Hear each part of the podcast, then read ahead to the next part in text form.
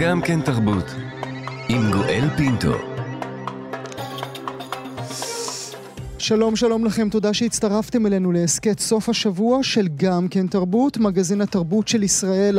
נדבר על כישלון, כישלון של עולם התרבות והאומנות הישראלי, להאיר זרקור על בעיות הסביבה, הסיבות רבות, גם התירוצים, נדבר במי שלא עושים ומדוע לא עושים.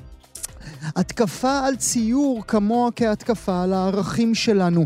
כך אמר נשיא צרפת עמנואל מקרון בעקבות השחתה של יצירה של האומנית השוויצרית מרים קאן. האם הציור מייצג פורנוגרפיה של ילדים או סמן למעשה הזוועה שעושים החיילים הרוסים באוקראינה? ובעיקר, עד לאן מבקשת האומנות לקחת את הנפש האנושית? נדבר בזה. וגם השירה פרצה ממנה לא רק ב... בגיל מבוגר יחסית, אלא גם לאחר שכלל לא התכוננה לה. במעשה הכתיבה היא משחררת לא רק את נפשה, אלא את נפשן של נשים רבות, אחרות, בחברה הערבית. המשוררת תופחה סבא תהיה איתנו. עוד אה, דברים רבים, עורך המשדר יאיר ברף, עורכת המשנה ענת שרון בלייס, על ההפקה מיכל שטורחן. האזנה נעימה. גם כן תרבות. נעבור אה, מיד אל הנושא הראשון שלנו לבוקר זה. בשנה האחרונה חזה העולם בתדהמה בפעילי סביבה שהתמקדו ביצירות אומנות של גדולי המאסטרים בניסיון לעורר מודעות לחטאי המין האנושי נגד הסביבה. הפעילים הדביקו עצמם או שפכו נוזלים על ערימת שחת של מונה במוזיאון בפוצדם, על החמניות של ואן גוך בגלריה הלאומית בלונדון, על נערה עם הגיל הפנינה של ורמיר בהאג על יצירות של גויה וקלימט ועוד ועוד. העולם מזדעזע, גם איקום, ארגון המוזיאונים הבינלאומי, יצא במחאה. איך אתם מעיזים, טענו נגדם, לפגוע באוצרות תרבות של המין האנושי? אבל האם, כך נשאל עכשיו, זהו לא תפקידה של התרבות והאומנות לעורר מודעות על עוולות העולם, והאם אין עוול גדול יותר ממה שהאדם מעולל לטבע ולכדור?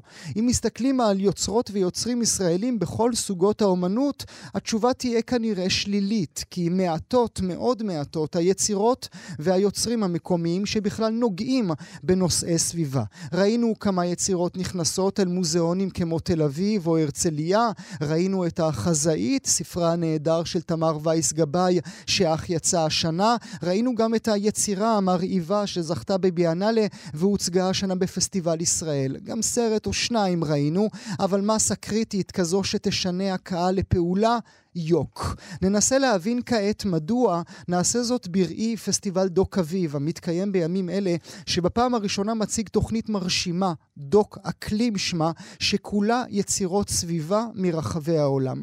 מי שהייתה מהיוזמות של התוכנית היא לי ירון, כתבת האקלים של עיתון הארץ, שגם נמצאת איתנו הבוקר. בוקר טוב לך.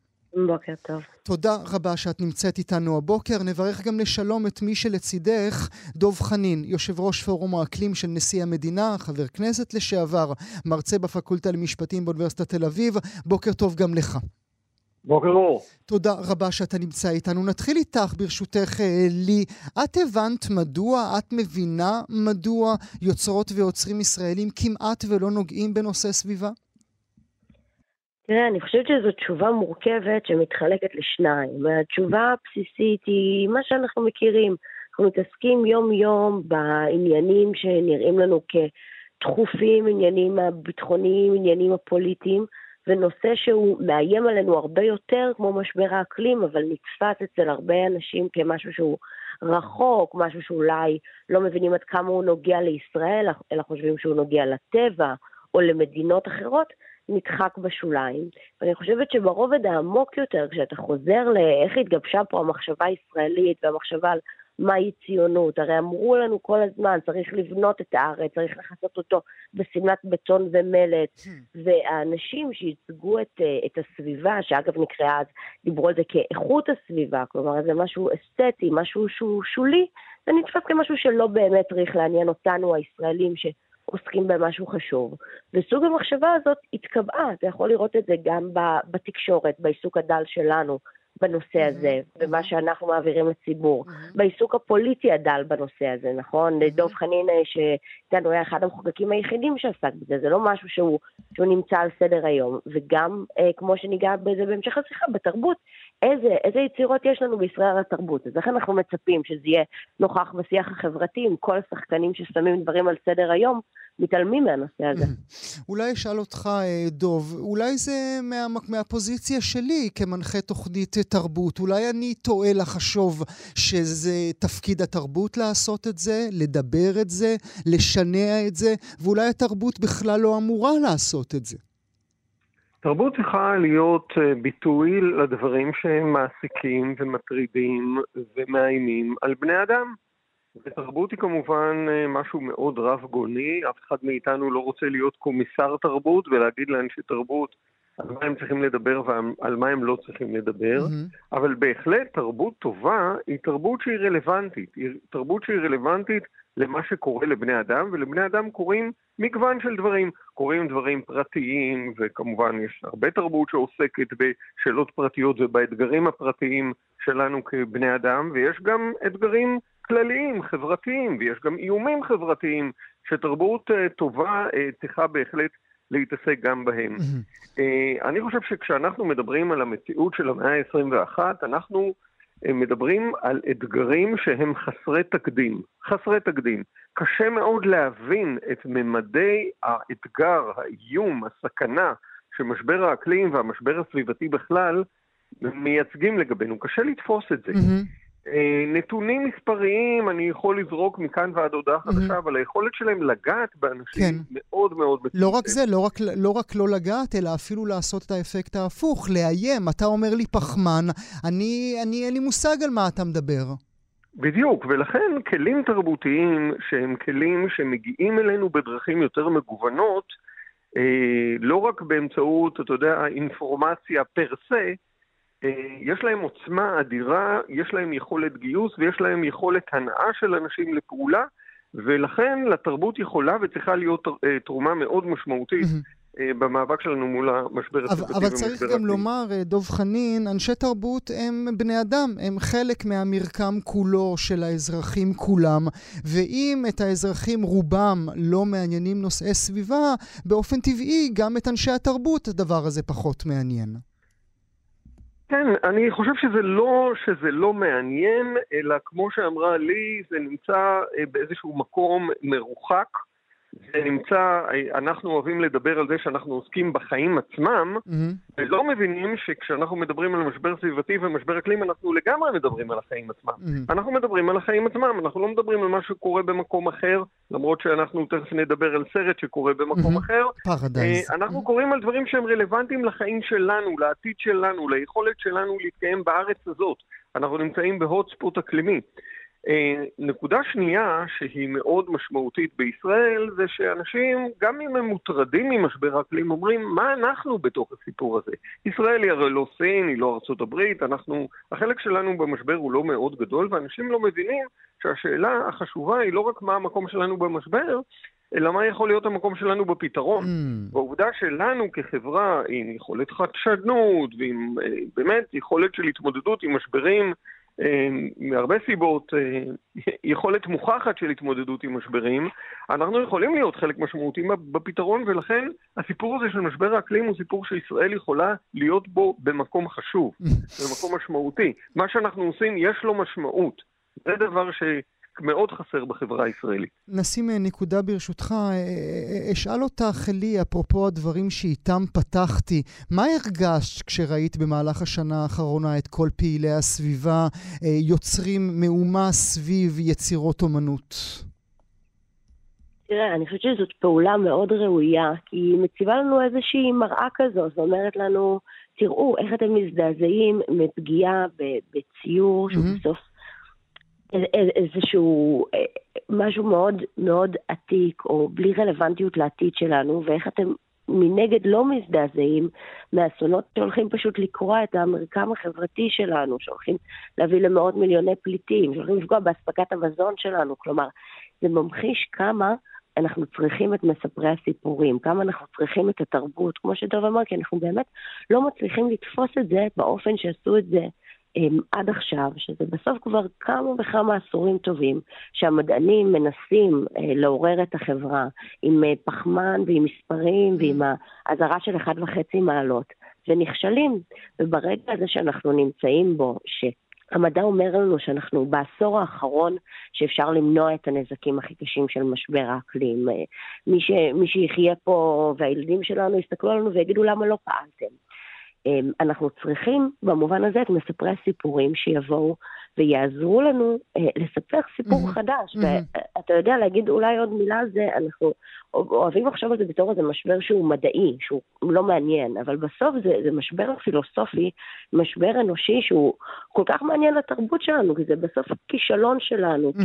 כתרבות אנושית שקידשה ערכים של קפיטליזם ותרבות... כי, כי, זה, כי זה בדיוק מה שאת אומרת לי על מספרי הסיפורים.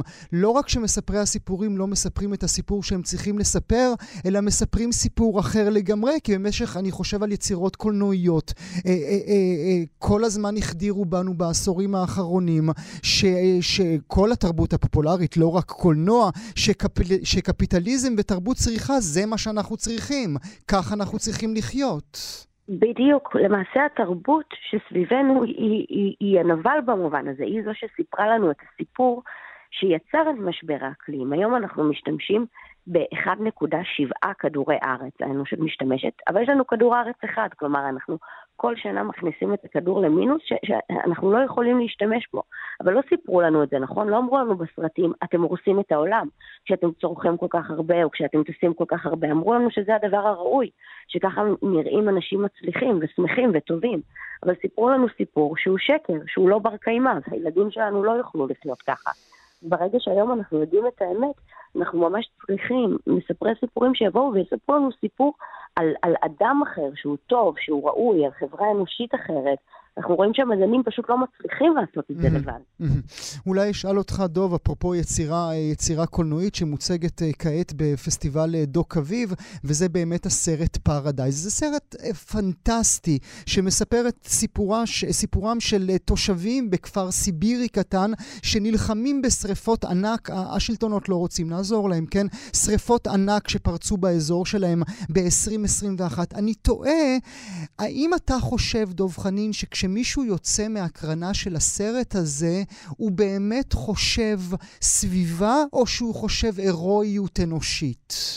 הוא חושב גם סביבה וגם הירואיות אנושית. תראה, הסרט הזה באמת עוסק בבעיה שקורית לא רק בסיביר. שריפות ענק מתרחשות בכל היבשות, באמריקה הצפונית ובאמריקה הדרומית, באסיה, באירופה, אה, סיביר הזכרנו, אוסטרליה היו שריפות ענק, רק לפני שנתיים בגודל של 20 אלף קילומטר מרובע שנשרפו, כן, שטח של מדינת ישראל. אה, וגם אצלנו יש שריפות עצומות כאלה, ושריפות אומנם קרו גם בעבר, אבל השוני של היום הוא שבגלל ההתחממות, האדמה והצמחים הרבה יותר יבשים, והרוחות, בגלל שינוי משטר האקלים, יותר חזקות, ולכן שריפות שבעבר היו שריפות בינוניות, הופכות להיות במהירות רבה לשריפות ענק, שמאוד מאוד קשה להשתלט עליהן. אז קודם כל יש פה סיפור שצריך להכיר אותו. Mm-hmm. העולם של העתיד הוא עולם נשרף, עולם שעולה באש. הדבר השני שהוא מאוד משמעותי זה גם כמובן הנכונות וההירואיות, כמו שאתה קורא לזה, של אנשים להתייצב מול הסכנה. זה אחד המסרים הכי חשובים שלנו מול משבר האקלים.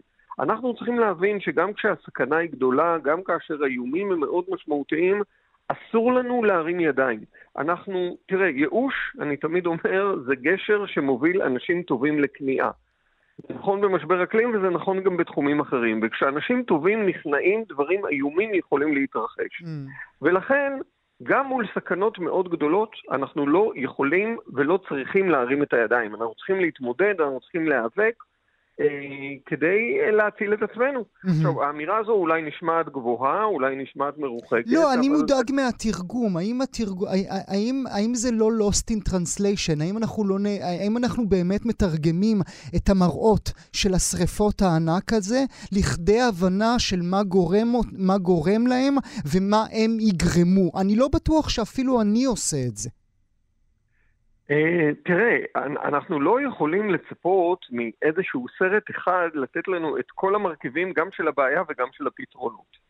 Uh, אנחנו מדברים פה על יצירה תרבותית שהיא פאזל מאוד מאוד גדול של הרבה מאוד דברים שהם צריכים להיות, לייצר לנו את התמונה את התמונה הכוללת. לי דיברה קודם, ובצדק רב, על ההפצצה הנוראית שאנחנו חווים בתרבות ובפרסומת ובמיליון דרכים אחרות, אה, למין שיטה של אה, צרכנות בלתי מוגבלת, לתרבות של להשתמש בזרוק, לעולם הקפיטליסטי הזה של אה, לטרוף עוד ועוד ועוד ועוד בלי גבולות. זה, גם הדבר הזה לא נוצר כתוצאה מאיזושהי יצירה בודדת, אלא כתוצאה מהפצצת שטח mm-hmm. מאוד מאוד רחבה. Mm-hmm. ומול הפצצת השטח הזו אנחנו צריכים לייצר תרבות נגד, גם היא מאוד רחבה, של סדר עדיפויות אחר, של מערכת ערכים אחרת, של יכולת לשאול מהם החיים הטובים ומהם החיים ששווה ונכון להיאבק עליהם. Mm-hmm. והסרט הזה ועוד סרטים שבאמת כן. אה, אה, לי אה, עצרה כאוצרת החלק הזה של פסטיבל דוק אביב, אה, מאוד מאוד חשובים ומאוד תורמים לדיון הזה. אולי אה, אשאל אותך, אה, לי, אה, סיפור יפה שנוגע למוזיאון בווינה, עוד רגע תספרי לנו אותו, אבל לפני כן אני רוצה להקדים ו- ולהזכיר למאזינות ומאזינים שהמוזיאונים ברחבי העולם היו לאורך שנים, עד עכשיו במקומות רבים, משת"פים עם אסון הסביבה, במובן הזה שלעיתים אפילו תערוכות שעסקו בסביבה היו במימון או בעזרה כספית של חברות נפט. באמת סיפורים שלא יכול... יכולנו להאמין שאנחנו רואים מולנו. ובכל זאת, דווקא במוזיאון בווילנה, שם, בווינה, וילנה זה נחמד, אבל זה בווינה, אה, אה, כשמפגיני אקלים אה, יצרו שם איזושהי, עבוד, אה, איזושהי אה, אה, אה, מחאה נגד יצירה של קלימט, המוזיאון קם על רגליו והבין מה צריך לעשות. נכון, נכון. זה באמת סיפור uh, מקסים, אחרי שבנובמבר 22 מפגיני אקלים שפכו נוזל שחור דמוי נפט על אחת היצירות הבאמת חשובות של קלים, של מוות וחיים, הם אז הגיבו בזעזוע וגינו את המפגינים, אבל ממש במרץ 23, כמה חודשים אחרי, אנחנו רואים אותם משיקים יוזמה ממש יוצאת דופן ש, שנקראת עוד כמה מעלות, בסוגריים, יהפוך העולם למקום לא נוח. ומה הם עשו? הם במשך שבוע הם פשוט עיקמו, היטו את כל היצירות, או כמעט את כל היצירות במוזיאון, אה, באופן שנראה לאנשים מאוד מוזר, כי אנחנו רגילים לראות את היצירות ישרות, ולא לא הסבירו למה.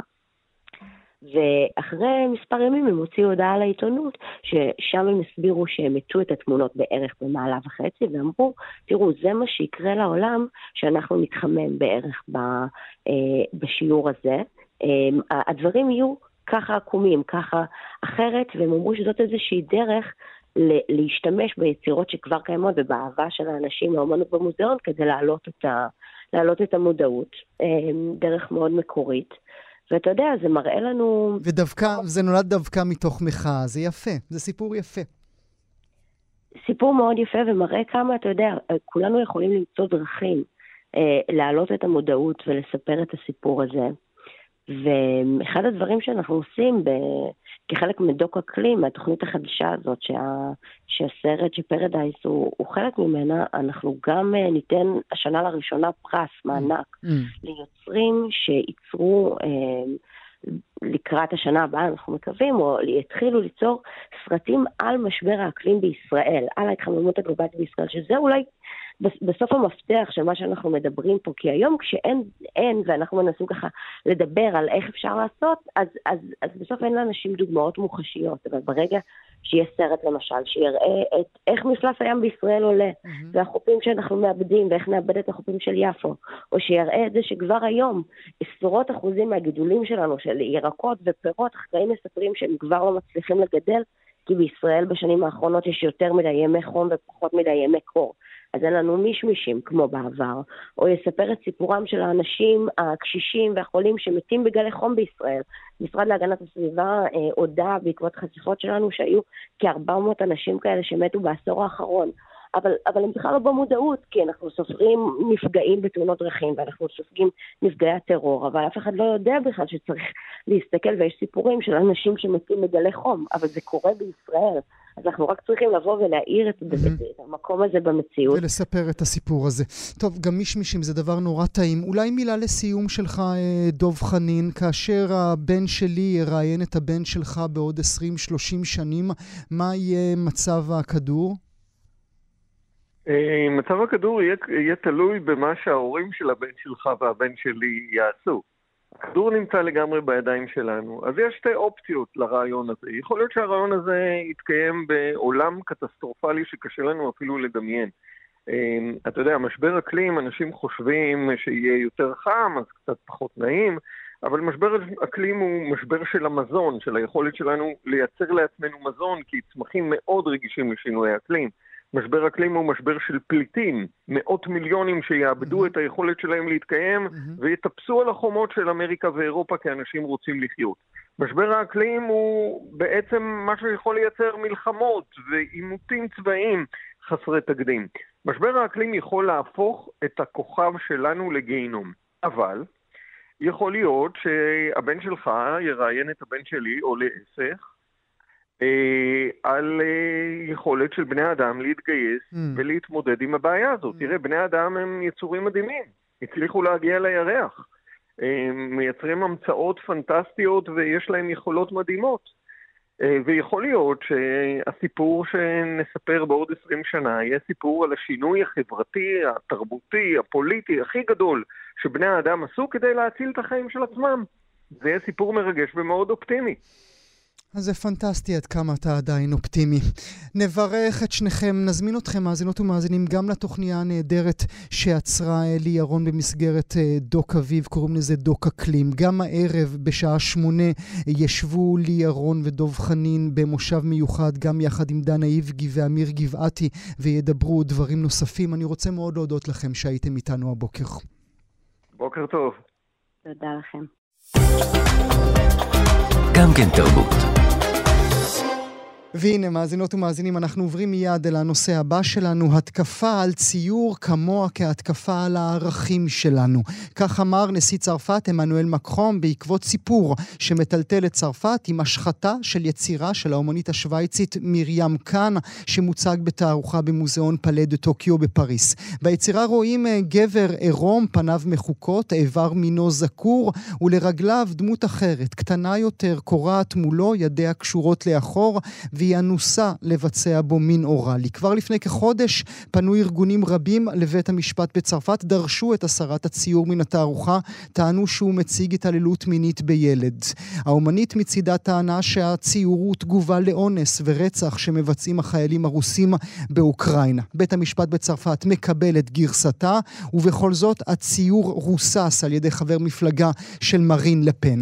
נדבר במרים כאן, נדבר בציור עצמו ונטעה עד לאן מבקר מבקשת האומנות לקחת את הנפש האנושית. נברך לשלום את האוצרת, אוצרת אומנות עכשווית במוזיאון תל אביב לאומנות, רותי דירקטור, בוקר טוב לך. בוקר טוב. תודה שאת נמצאת איתנו הבוקר. האם גם את מסכימה, אה, כמו עמנואל מקרון, שהתקפה על ציור כמוה כהתקפה על ערכים? מסכימה איתו, ועם עוד אה, רבים מעולם האומנות הצרפתי, ש... קם על רגליו והזדעק לנוכח uh, ההתקפה שמתרחשת ביחס לציור הזה כבר כמה שבועות.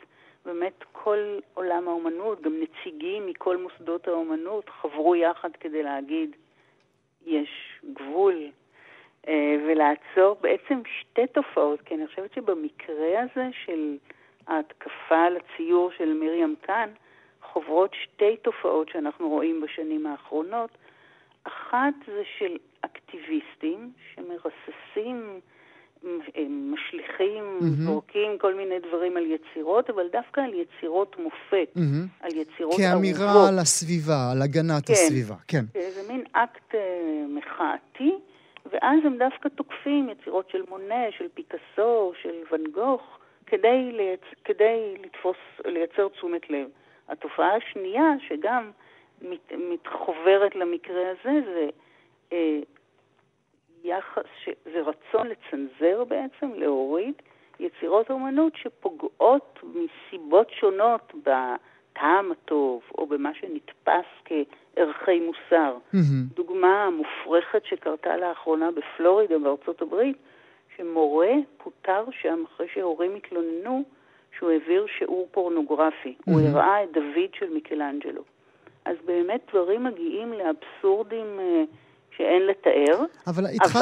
התחלת את דברייך, רותי, כשאמרת יש גבול בהסכמה שלך עם דברייך, עם דבריו של עמנואל מקחון. אבל האם גם לאומנות אין גבול? תראי, האומנות צריך לראות אותה בתוך הקשר. כי הדבר המופרך שקורה, שמסתכלים על אומנות כעל דימוי בלבד, מבודדים את הדימוי, ואז מסתכלים על הדימוי, כן, והדימוי הוא לא, הוא לא נעים, ברור, הוא קשה, אבל צריך לראות אותו בתוך הקשר, צריך להבין איך הוא נעשה. אני חושבת שכל בר דעת שרואה את הציור הזה, או ציורים אחרים של מרים כאן, או של אנשים אחרים, מבין שזה לא פורנוגרפיה, זה לא ציור שמאדיר מעשה פורנוגרפי, הוא מעודד אותו, אלא בבירור הוא מוקיע אותו. כל הצ... צריך לראות את הציור הזה בתוך הקשר. Mm-hmm. במקרה אבל, הזה... אבל, בת... אבל כאשר אני מגיע אל פלדו טוקיו או אל כל, אה, אה, אה, אה, או אל כל מוזיאון אחר או מוסד אקדמי אחר, אני לא יכול לדעת הכל. אני לא יכול לדעת את כל ההקשרים, אני לא יכול לדעת את כל נסיבות חייה של מרים כאן, ובוודאי למה היא התכוונה, כשהיא מציגה באמת ציור אה, שנורא קשה לראות, רותי. ציור קשה, נכון, אבל במקרה הזה מדובר על תערוכה של בערך 200 ציורים. Mm-hmm. רובם ציורים לא, לא נעימים לא נעימים לצפייה. לא. לא. הרבה, הרבה דימויים של גוף אנושי, בדרך כלל גוף נשי, תיאורים של מעין לידה, של רגליים פסוקות, הכל מתואר מתוך תפיסה של הגוף האנושי כמקום מאוד שביר, כמאוד מקום פגיע, כדימויים שהם מטרידים, מה לעשות? זה לא, לא נעים, זה לא הכל נעים ונחמד לראות. אז בתוך ההקשר הזה, כשרואים את הציור הזה, שאגב, בתוך התערוכה הוא תלוי ליד ציור קטן יותר של איזה ידיים שמחזיקות אה, דמות קטנה של mm-hmm. ילד באוויר, וגם לכאורה אין בזה משהו מסוים שהוא אה, בעייתי, אבל גם באופן שבו היא מציירת.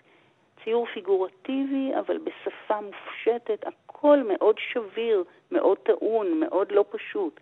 אז בתוך ההקשר הזה אפילו מבינים את שהציור הוא לא פורנוגרפיה לשמה. Mm-hmm. מה גם שאחרי שקם כל הצעקה, אז אה, הצוות של הפלדת טוקיו שם אה, שלט לפני הציור, ובו הוא מסביר את מה שאתה אמרת. שהאומנית מתכוונת אה, להוקיע פשעי מלחמה שהיו בבוצ'ה, באוקראינה, אה, שומרים אמורים לנתב את הקהל ככה שילדים או בני נוער לבדם לא יוכלו להתקרב לציור. זאת אומרת, המוזיאון נוקט באמצעים שהוא יכול כדי למנוע Mm. אה, פגיעה. אני עוד רגע אשאל אותך אם כן. את היית מציגה את הציור הזה, ואני לא בטוח שהתשובה היא חיובית. אבל עוד לפני כן, מה את יודעת או מה את יכולה לספר לנו על מרים כאן, יהודייה שוויצרית? היא נולדה בבאזל אה, אחרי המלחמה ב-49, כלומר היא בת 74. אה, היא פועלת משנות ה-70, ומשנות ה-70 הציור שלה מאופיין באמירות פמיניסטיות, אה, פוליטיות, פוליטיות במובן הרחב של המילה, והיא הוצגה תמיד, הציגה תמיד גם ב, אמ, בחללי תצוגה מאוד חשובים, למרות שאפשר לומר שבשני העשורים האחרונים היא זוכה לעדנה מחודשת. Mm-hmm. כחלק מתופעה נוספת אחרת של עולם האומנות, ש... מגלה מחדש אומניות מבוגרות בשנים האחרונות. והיא בהחלט אומנית מאוד מוערכת היום, שזוכה להערכה ולעניין מכל מיני כיוונים. זאת התערוכה הרטרוספקטיבית הראשונה שלה בצרפת. ש... לאורך השנים היו, זו לא טענה ראשונה נגד אה, מרים קאן, נגד היצירות אה, של מרים קאן.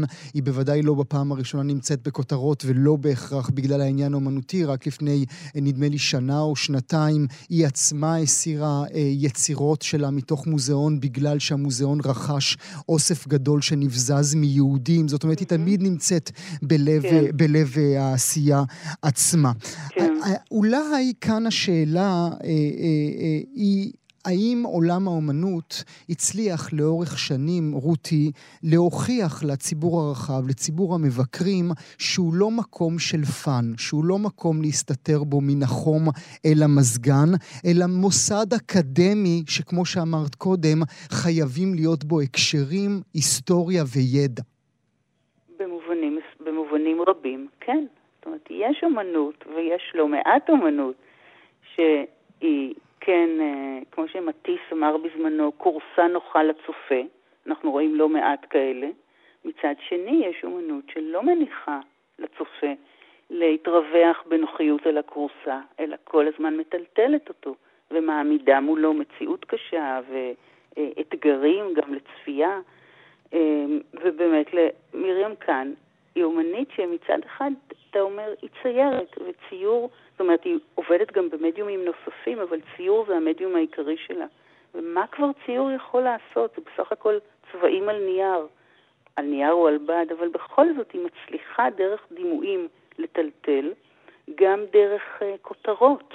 למשל, הייתה לה תערוכה בגרמניה לפני שנה, שהיא קראה לה היהודים שלי, מיינה יודן. ברור, שם קשה, שם פרובוקטיבי, שם אה, לא נעים. אבל אתה יודע, באותו אופן אני חושבת על, על המקרה הזכור לשמצה של פיליפ גסטון, mm-hmm. אומן אמריקאי יהודי, שלפני כמה שנים של...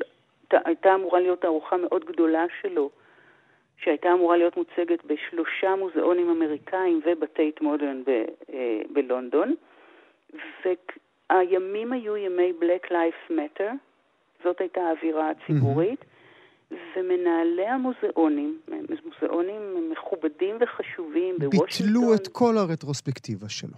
הם דחו את כל הרטרוספקטיבה בגלל סדרה של ציורים של ה-KKK, של הקור קוקלקס קלאן, mm-hmm. שבה הוא מצייר דימויים, דמויות שנראות במצנפות הלבנות המפורסמות של ה-KKK, mm-hmm. ומנהלי המוזיאונים חששו שזה יפגע ברגשות קהל מסוים. כשבעצם כל מה שהוא רצה זה לבקר את החברה ברור. האמריקנית שמאפשרת את הטרור, ברור, את הטרור הגזעני הזה. כן, היא לא מציגה פורנוגרפיה לילדים. ברור שהיא מבקרת את זה, ברור שהיא מוקיעה את זה. אז צריך להיות די עיוור, או לפחות צר ראייה, או מוגבל ראייה, כדי לא לראות שבמקרים המסוימים האלה הציירים לא נסחפים לאיזה אה, פורנוגרפיה או גזענות, mm-hmm. אלא להפך. מבקרים אותה. מבקרים אותה. היית חשה בנוח, רותי, אם בית המשפט בצרפת היה הוא זה שמורה לו להסיר את הציור? אם בית המשפט היה מחליט ההחלטה הזאת, היית אומרת, אני חיה עם זה בשלום? לא, אני חושבת שזה באמת, זה מאוד מרשים מההחלטה של בית המשפט בצרפת להשאיר את הציור. גם ההחלטה של המוזיאון בעצה אחת עם האומנית להשאיר עכשיו את הציור המרוסס, להשאיר אותם ולהגיד, זאת התערוכה, זאת האומנות. ובאיזשהו אופן גם להגיד לקהל שנוטה יותר ויותר להתפנק mm-hmm. מול תערוכות של... של צבעים אה, יפים של צבעים, ואינסטגרם. כן, בדיוק, תערוכות אינסטגרם, להגיד לא, לא רק זה אומנות, יש גם דברים לא פשוטים, לא קלים, שגם, כן, מחנכים, מראים, אה, מעוררים למחשבה. אומנות זה באמת לא רק הכורסה הנוחה לצופה. מילה אה, לסיום ברשותך, היית מציגה את הציור הזה? לא בטוחה. יכול להיות שאם אני הייתי כל מה שאמרנו. בזה, כן, אבל לא משנה, ברגע שהוא נמצא, ברגע שהוא תלוי, ברגע שהוא חלק מתערוכה, הוא כבר שם, ואז לא הייתי מורידה אותו בשום אופן. רותי דירקטור, לעונג, תודה שהיית איתי הבוקר. תודה, להתראות. גם כן תרבות. והנה, אנחנו מיד מתחילים עם הנושא הראשון שלנו לשעה זו, השירה פרצה ממנה לא רק בגיל מבוגר יחסית, אלא גם לאחר שכלל לא התכוננה לה. זה היה במהלך מסע רוחני שעברה במקומות שונים בעולם, וכששבה לביתה בעוספיא היא החלה לכתוב. לכתוב מילים, לכתוב שורות, לכתוב נשיות, לכתוב בתחומים פמיניסטיים שלא רבות כמוה בחברה הערבית מעזות לעשות. עכשיו, אחרי שני ספרים שפרסמה, הראשון יצא בהוצאת ספרים ברמאללה, השני שני בהוצאה משותפת של הוצאה מירדן והוצאה מקנדה. היא זוכה השבוע בפרס משרד התרבות לסופרים ואומנים מהחברה הערבית. אני שמח לארח לראשונה כאן אצלנו בתוכנית את הסופרת והמשוררת תופחה סבא. בוקר טוב לך. בוקר טוב. מברוק. אהלן, תודה, תודה. זה רגע משמעותי עבורך לקבל מין פרס כזה? אה, כן, זה רגע משמעותי, זה רגע שאומר שיש אה, הכרה גם מבפנים. Mm-hmm. אה, הרי הספרות שלנו לרוב היא לא מתורגמת לעברית, היא לא חשופה הקהל הישראלי, וההכרה הזו דרך משרד התרבות היא הכרה בהחלט משמעותית. עד כמה זה קשה ליצור בתוך עולם שהסובבים אותך, או הציבור הכללי הסובב אותך, לא יכול לקרוא את המילים שלך? אה, תקשיב, זה קשה אה, ברמה כפולה. כאילו, הרמה הראשונה זה באמת בישראל. אה, אני, אני כותבת אה, בערבית ובערבית ספרותית, אבל הספרים לא מתורגמים, והקהל, רוב הקהל הישראלי לא יכול לקרוא אותי. אה, ומצד שני, אני, יש גבולות פוליטיים וגבולות גיאוגרפיים וחברתיים ביני לבין שאר העולם הערבי. הערבי. Mm-hmm. גם שם יש מגבלות. אני לא יכולה להופיע בהרבה ירידים בעולם הערבי, אני לא יכולה להופיע ב... באירועים משמעותיים, אז uh, כאילו אני, אני יוצרת, אבל אני יוצרת ב, מתוך עולם של הגבלת, mm-hmm. הגבלות. Mm-hmm. והמדבר הזה, איך בכל זאת בתוך המדבר הזה מצליחים לפרוח מילים, מצליחות לפרוח מילים? אה, קודם כל, כשמילים מופיעות, הן אה, מופיעות, כאילו הן לא, לא חושבות מגבלות. לא מבקשות מגבלות. רשות, כן. בדיוק, לא, לא, לא מבקשות רשות ולא חושבות מגבלות, אה, והן ביטוי של, של, של, של הנפש ושל השכל ושל כל, כל, כל ניסיון החיים שלי או של כל סופר או סופרת. אז זה קול שאתה לא יכול לדכא אותו, mm-hmm. כאילו, זה, זה הקול שלך, mm-hmm. ואתה לא יכול לדכא אותו, הוא, הוא דורש, הוא תובע אה, ביטוי. הוא דורש את הביטוי שלו. כן. מה מרגש אותך במיוחד? תגובה מקורא עברית, שבמקרה נפל על תרגום של אחד משירייך המצוינים, או מין הודעה בפייסבוק מקורא בסוריה, שאומר לך, אהלן וסהלן, אה, איזה יופי כתבת? אה, כל תגובה, כל תגובה ש... אה, שהשיר שלי השירה שלי, כי היא שירה אמיצה במובן מסוים שהיא נוגעת בטאבואים. Mm-hmm. אז כל קורא ש, אה, שהשירה הזו נגעה בנפשו, ואפילו נתנה ביטוי למה שהוא לא יכול להגיד, או פגשה, אה, פגשה אותו בחלקים האסתטיים, בהבנה האסתטית של מה זה שירה ומה זה העולם, כל אדם, מבחינתי, ברגע שהוא אומר את הדברים האלה, הוא מרגש אותי. Mm-hmm. הוא יכול להיות מכל קבוצה, גבר, אישה, ערבי, יהודי, מכל מדינה. את מדברת על טאבואים, ואכן השירה שלך, אה, המילים שלך, עוסקות בהרבה מאוד טאבואים שלא הרבה נשים אה, מעיזות לדבר אותם. מי נתן לך אה, מיץ אומץ כשהיית קטנה? אה, אני גדלתי במשפחה די אה, אוהבת ודי מקבלת ו... ומעודדת, זה קודם כל. אה, וגם אה, אנחנו נולדים עם התשוקות שלנו. כאילו, יש את המשפחה שאוהבת ומקבלת, ויש את התשוקות שלנו כבני אדם. אני, אני, הייתה לי תשוקה לקרוא, הייתה לי תשוקה לדעת, הייתה לי תשוקה כל הזמן לגלות אולמות.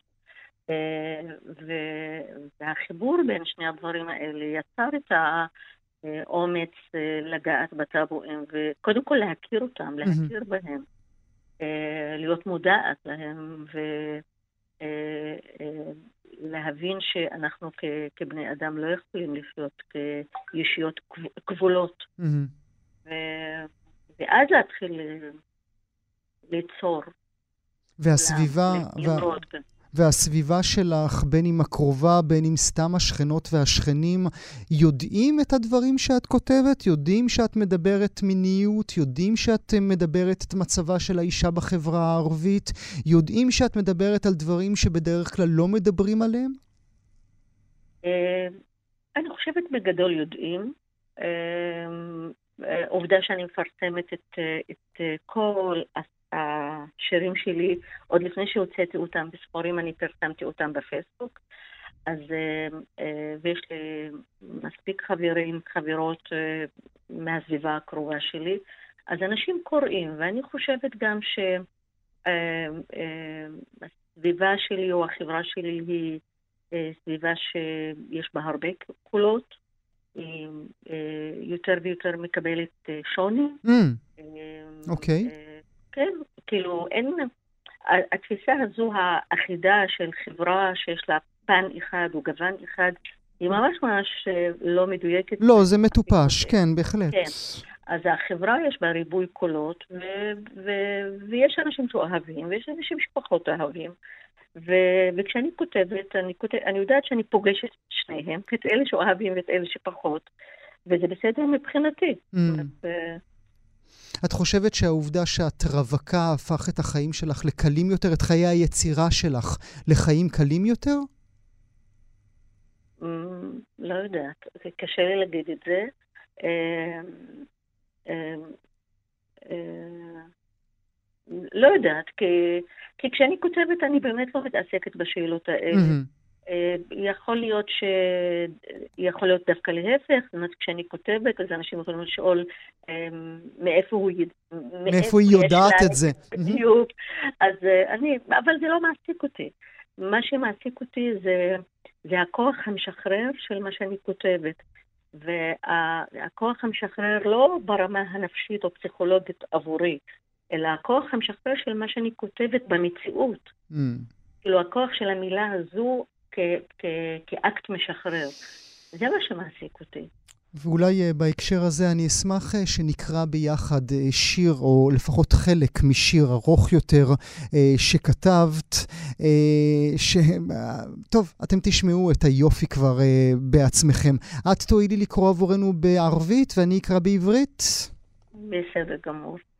אז אני אקרא קטע משיר אני כבר לא חוששת, מה עודתו אכף. أنا لا أخاف ما عدت أخاف. لا أخاف اختلافي بينكم ولا غربتي عنكم. لا أخاف الوحدة في الدرب ولا حتى الخروج عن السرب. ما عدت أخاف. أن يعجبكم صوتي أو لا. لا الحرمان ولا القطيعة لا الرقابة ولا الغربة لا التهميش ولا الإقصاء ولا أي نوع من. ولا أي أنواع النبذ أخاف. فلي متسع من الانتماء يمتد من ذاتي إلى كل الأبعاد والأنحاء لأستوطن فيه أو لا. لا أخاف. ما عدت أخاف. أن أكون ربة الكون أو إلها نارا معبودة أو لا. لا أخاف. ما عدت أخاف. أعلنها عالية فوق رؤوسكم. قد تصيب قلوبكم وقد لا. لا أخاف. לה חפו. אה, אה, אה, אקרא בתרגומו של הדוקטור נביל טאנוס. אני לא חוששת, אני כבר לא חוששת. אני לא חוששת מהשוני שלי מכם, אף לא מזרותי מכם. אני לא חוששת מהלבדיות בדרך, אפילו לא מנטישת הלהק. אני כבר לא חוששת אם תאהבו את קולי או לא. לא החרם, לא הנטישה, לא הצנזורה ולא הזרות. לא השוליות, לא ההדרה ואף לא מכל סוגי הנידוי. אני לא חוששת. יש לי המון שייכות שמשתרעת מעצמי אל כל המימדים ואל כל המרחבים שאוכל להתמקם בהם, או לא. אני לא חוששת, אני כבר לא חוששת. להיות אלת היקום או אלילה, אש מקודשת, או לא. אני לא חוששת, אני כבר לא חוששת, אני מכריזה בקול רם מעל ראשיכם, אולי זה ייגע בליבותכם, אולי שלא, אני לא חוששת. איזה יופי. איזה יופי, איזה יופי. 100 פרסים הייתי נותן לך רק על השיר הזה. תודה, תודה. מאה פרסים הייתי נותן לך על, ה, על השיר הכל כך יפה הזה. מאיפה המיל... מתי הבנת שאת יודעת לכתוב? אמ, אני, אה, לכתוב שירה, אה, אף פעם, כמו שאמרת בהתחלה, זה אף פעם לא היה משהו שדמיינתי, שחשבתי שאני יכולה לכתוב, אבל אמ, מ-2015 התחלתי אה, תהליך רוחני, למדתי פסיכולוגיה בודהיסטית, התחלתי לצאת למסעות אה, רוחניים, לעשות מדיטציה. ואתה יודע, בתהליכים כאלה אתה מקלף אה, שכבות, כל מיני, עד שאתה מגיע לקול הכי ככה מקורי, אמיתי שלך, אחרי שהשאלת מעצמך פחדים, רציונליות, כל מיני שכבות לא רצויות שמגבילות אותנו. Mm-hmm. ובאחד המסעות שלי באיטליה, במנהור, אני פשוט אחרי תהליך, אחרי, אחרי מדיטציה, ראיתי כל מיני תמונות ואמרתי, אני חייבת לרשום אותם, ושם כבר אה, התחלתי לרשום אותם, הסתכלתי וגיליתי שזה שיר, זה. בעצם לא רשום. וזהו, ומאותו יום זה היה כאילו אה, יצירה בלי מעצורים, כאילו, כל יום, כל יום, כל הזמן. ו... קיבלת את זה באהבה או שנלחמת עם זה? לא, ממש באהבה. ממש באהבה. אבל הייתי צריכה, אתה יודע, הייתי צריכה, קודם כל הייתי צריכה לבדוק אה, איך אני מתקבלת כמישהי שיוצרת את דברים כאלה. כי אתה יודע, אנחנו בחיים מסתובבים עם כל מיני כובעים. כן, את אישה רצינית, את לא אמורה לכתוב שירים. כן, בדיוק. אז אני מורה, אני מחנכת, אני מרצה, אני יועצת לסטודנטים הערבים, כאילו כל, הכל זה כובעים רציניים כאלה. ופתאום אני מופיעה עם שירה ועם אה, אהבה ורומנטיקה ודברים כאלה. אז הייתי צריכה ככה לגשש ולבדוק אה, כל פעם אה, איך זה מתקבל, מתקבל וכל פעם הבנתי שזה מתקבל טוב.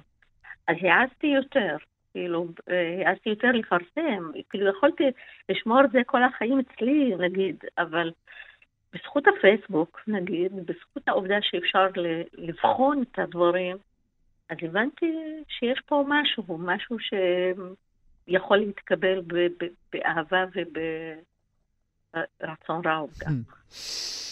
אולי מילה לסיום, אומרים, ש... אומרים שהצהרה על חלומות מביא למציאות. אז מה החלום הכי גדול שלך? וואו. אני, אחד החברים המצריים כתב לי, כשפרסמתי על הפרס, אז הוא כתב לי, אה, השלב הבא זה נובל. צחקתי ואמרתי לו, זה לא החלום הבא שלי, אבל, אה, אבל באמת אני רוצה אה, יום אחד להיות סופרת ידועה גם בארץ, גם בעולם הערבי, עם הרבה הרבה ספרים. אה, ושהתכנים שאני עוסקת בהם הם יהיו תכנים נגישים לאנשים, לנשים, גברים ונשים. Mm. כאילו זה תכנים אה, משחררים אה, שעוסקים בכבודו של האדם, ואחר כך בכבודה של, או לא אחר כך, ביחד, כבודה של האישה וזכותה לחופש. אה, והייתי רוצה שהתכנים האלה יגיעו כמה שאפשר אה, לאנשים בכמה שיותר מעגלים. אה, זה החלום שלי. את כבר לא חוששת. אה, נברך אותך על הזכייה הזו בפרס משרד התרבות לסופרים ואומנים מהחברה הערבית. תופח הסבא, תודה שהיית איתי הבוקר. תודה רבה לך.